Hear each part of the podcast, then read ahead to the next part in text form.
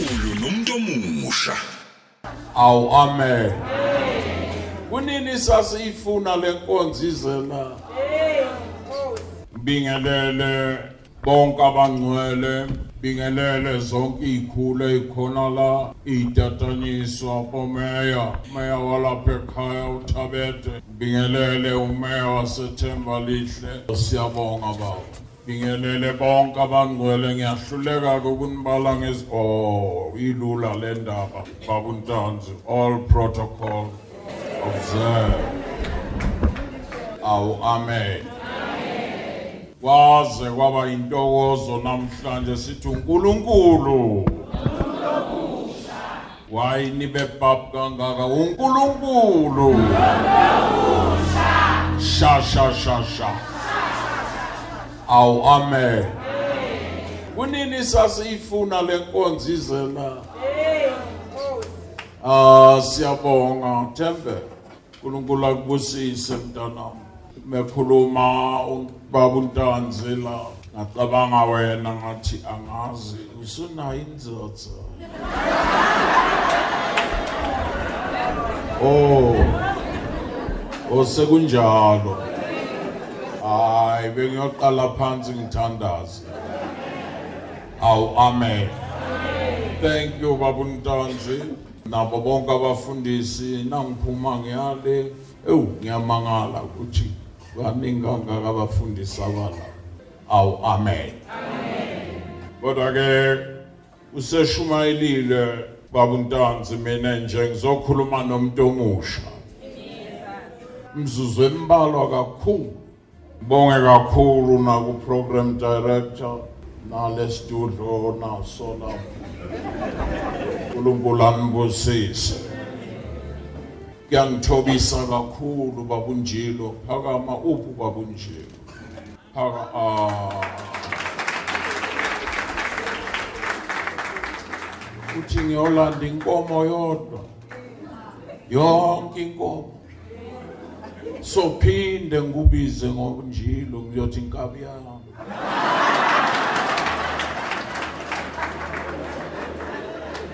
Hallelujah.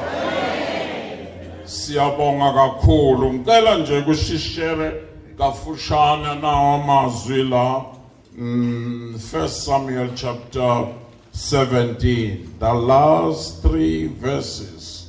1 Samuel chapter 17 uqale ku verse mm daba lumnandi kimi angazi kuwe kuzoba njani. Qala ku 56 nje usifundele uma ekugcineni kwendaba.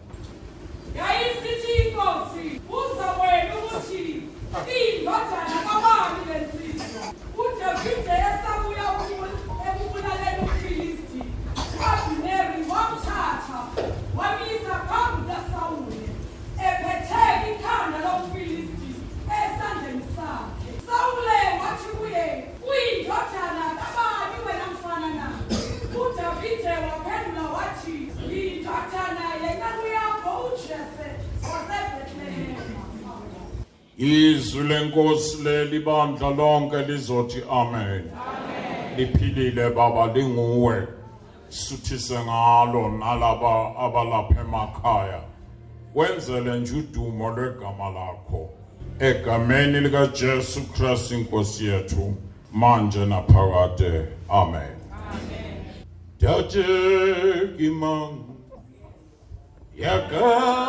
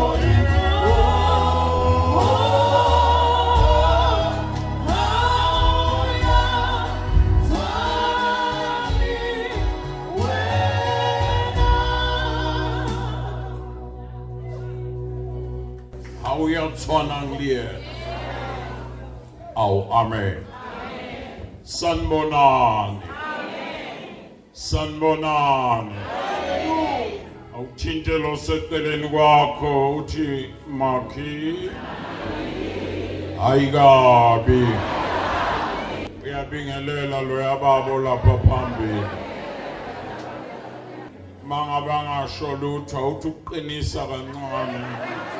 Makhe amshayela izandla egameni likajesu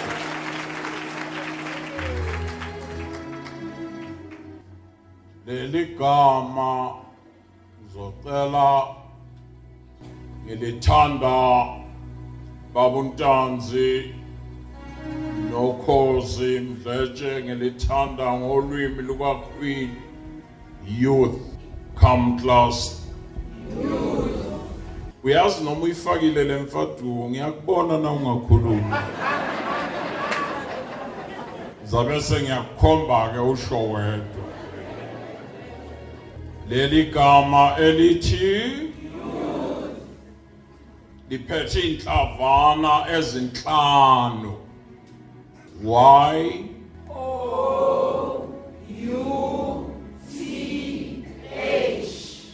ubani loyo?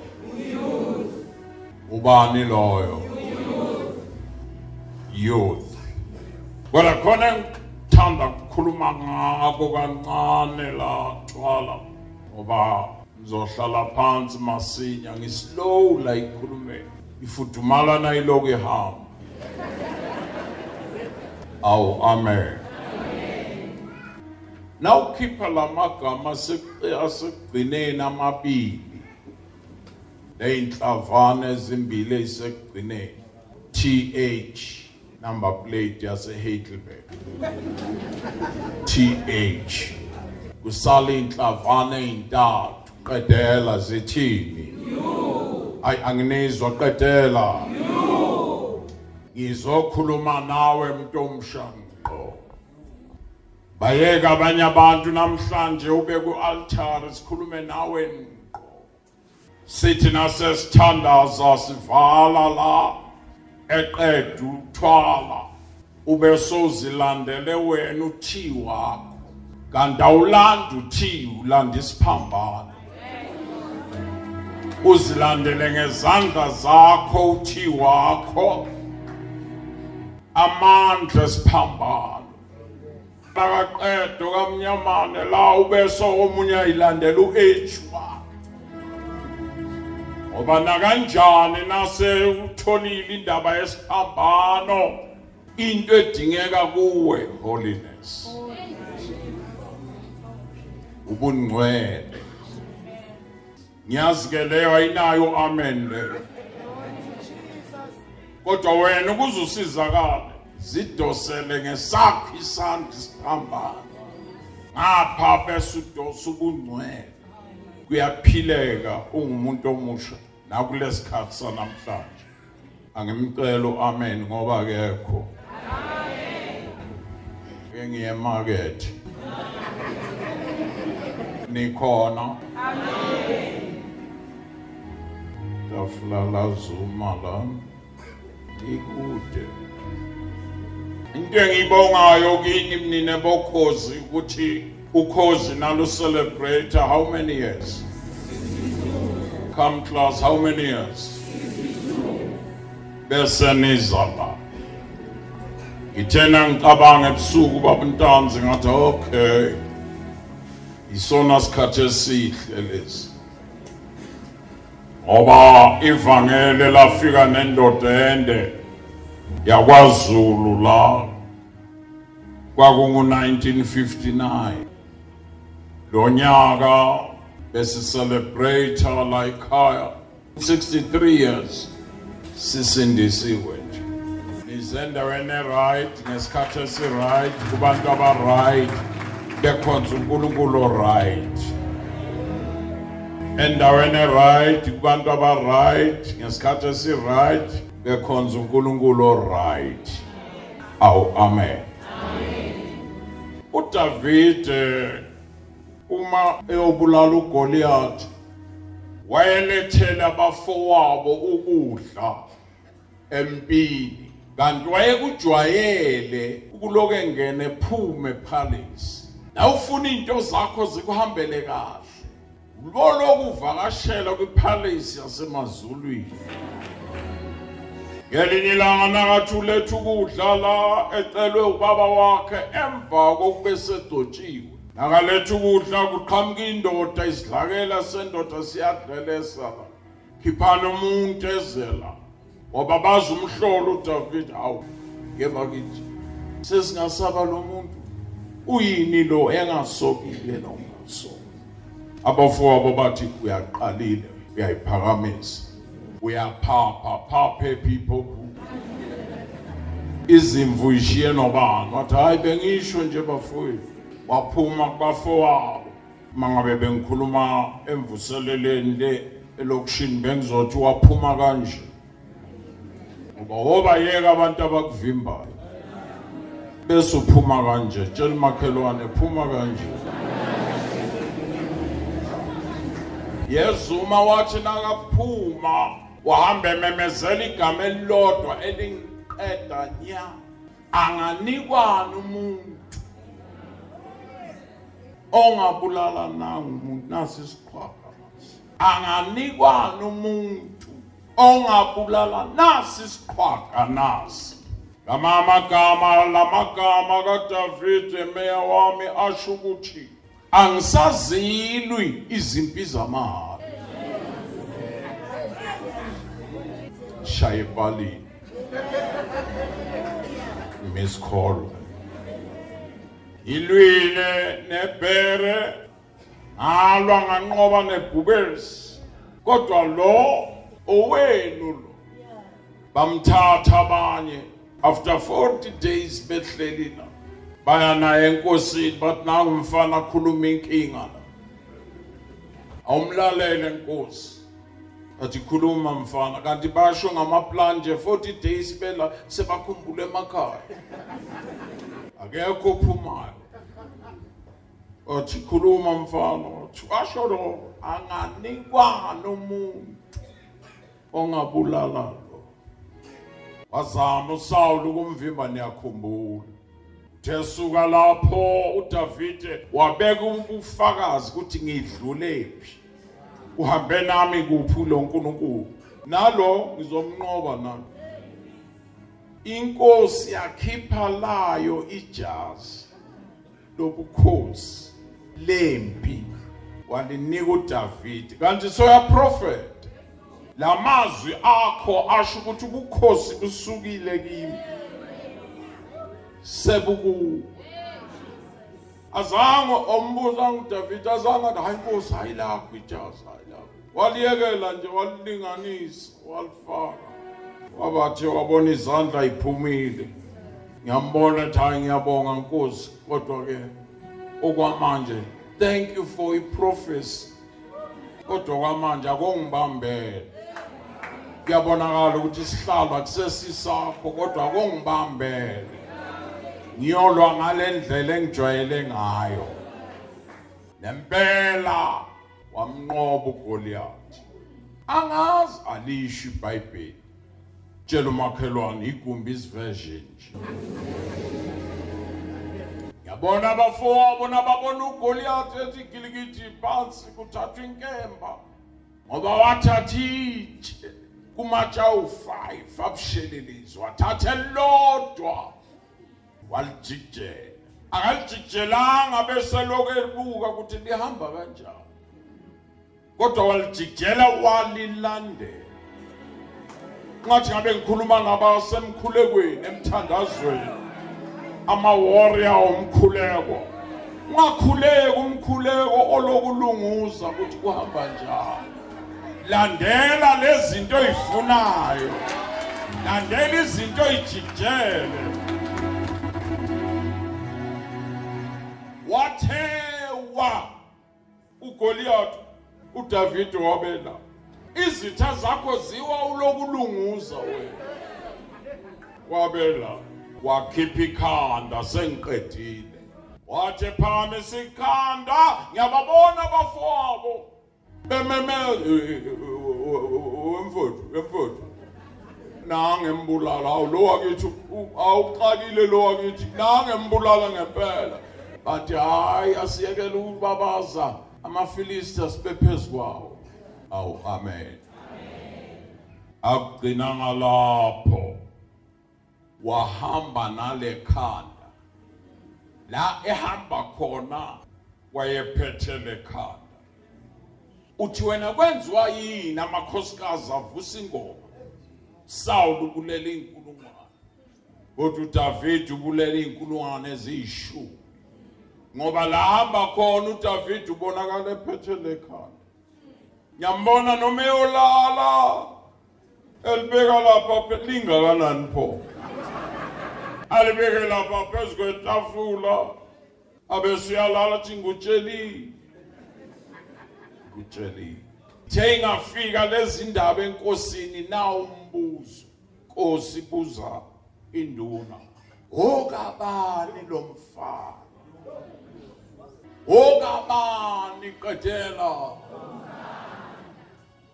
ithi induna ayinama ngimazi nkosi alishi ibhayibheli kodwa soyoqedela ukuthi igumbi isiversion okabantu angimazi namnkosi hayi ngoba wayengamazi wayemazi kahle.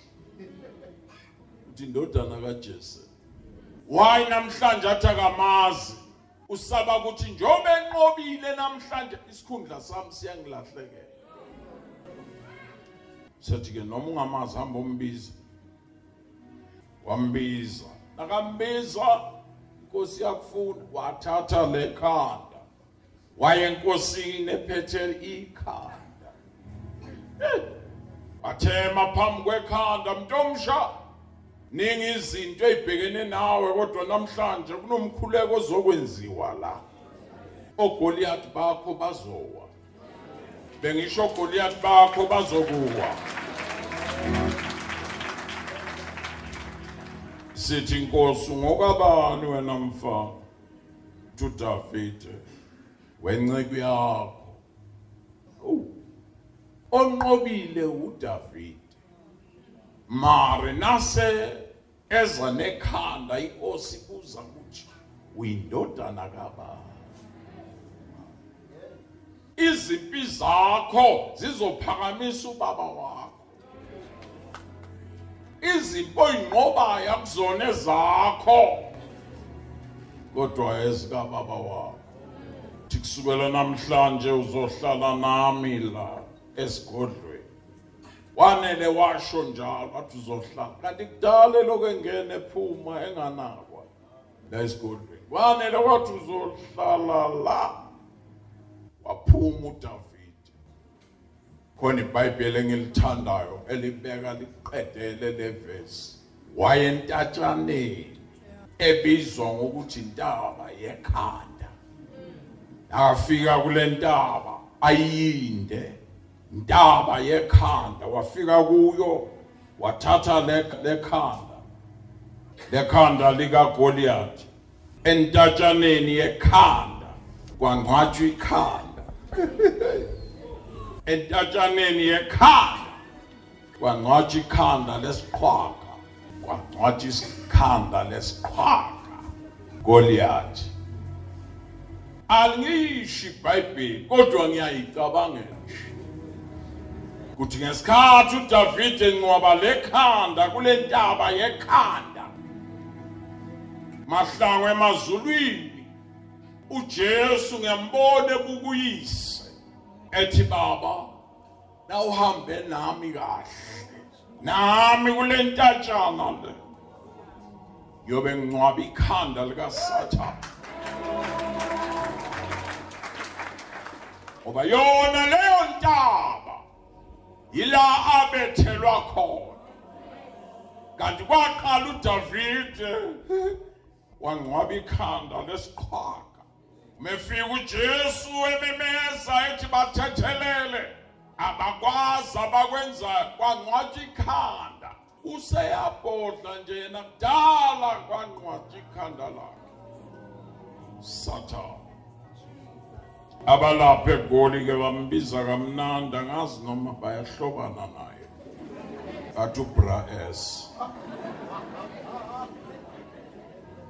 Wangcwatshwa entabeni yekhanda. Ukuze namhla sithi uNkulunkulu nomuntu omsha uNkulunkulu uyasindisa ngoba phezwe aba yekhanda kwangcwatshwa ikhanda likaSathane.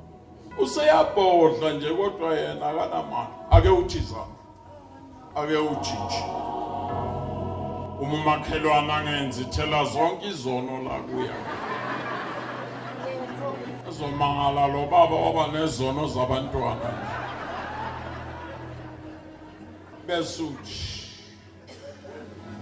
Ah, usemnyango wezulu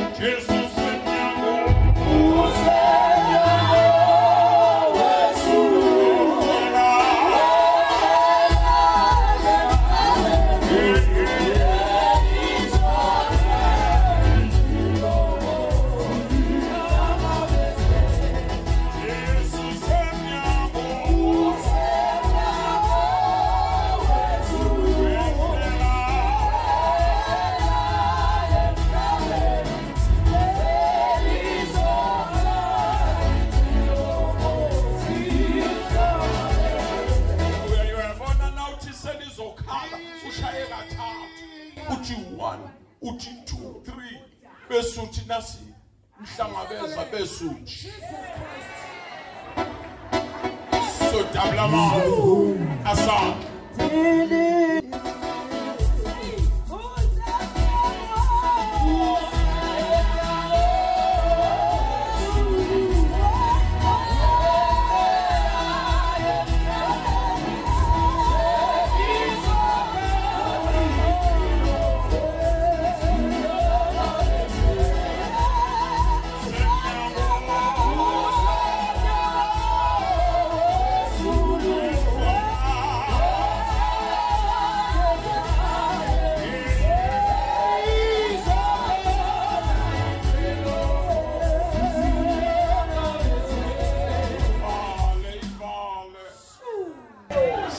Siyayibona na siyabona okambatha uNkulunkulu angilonde angigcine nanehla niyale umbatha nami ngehle kanye nani. Sidlule siye kuzulu nami ngehle kanye nani. Sidlule siye kubaba untanzi awukwazi ukufika kamfuli yanuka ngingezi kuwe. Animzame ngezandla.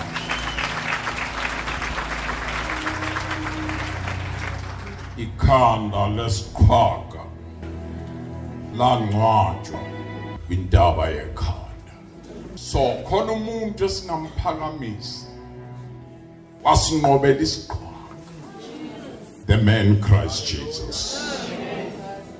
Lapha eKimberley 1960 khona indaba engayizwa kuthiwa umxhosa kanye nomsuthu.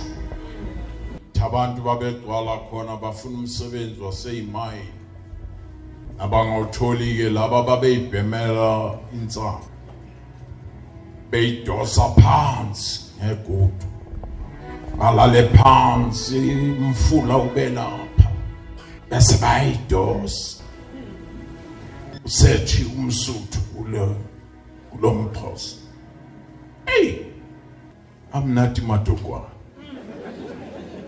athi umxhosa uyibeki kahle. Mnandi lanto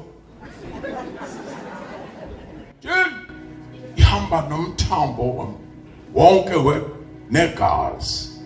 Msuthu naye aphinda athi, "Ah, di wena uyibe ihantle amnati matokwana a tsamaya le diponisa ka. Ngoba na ba bheke emfuleni na liphoyisa ligcwele liphethe isigoko nesagila.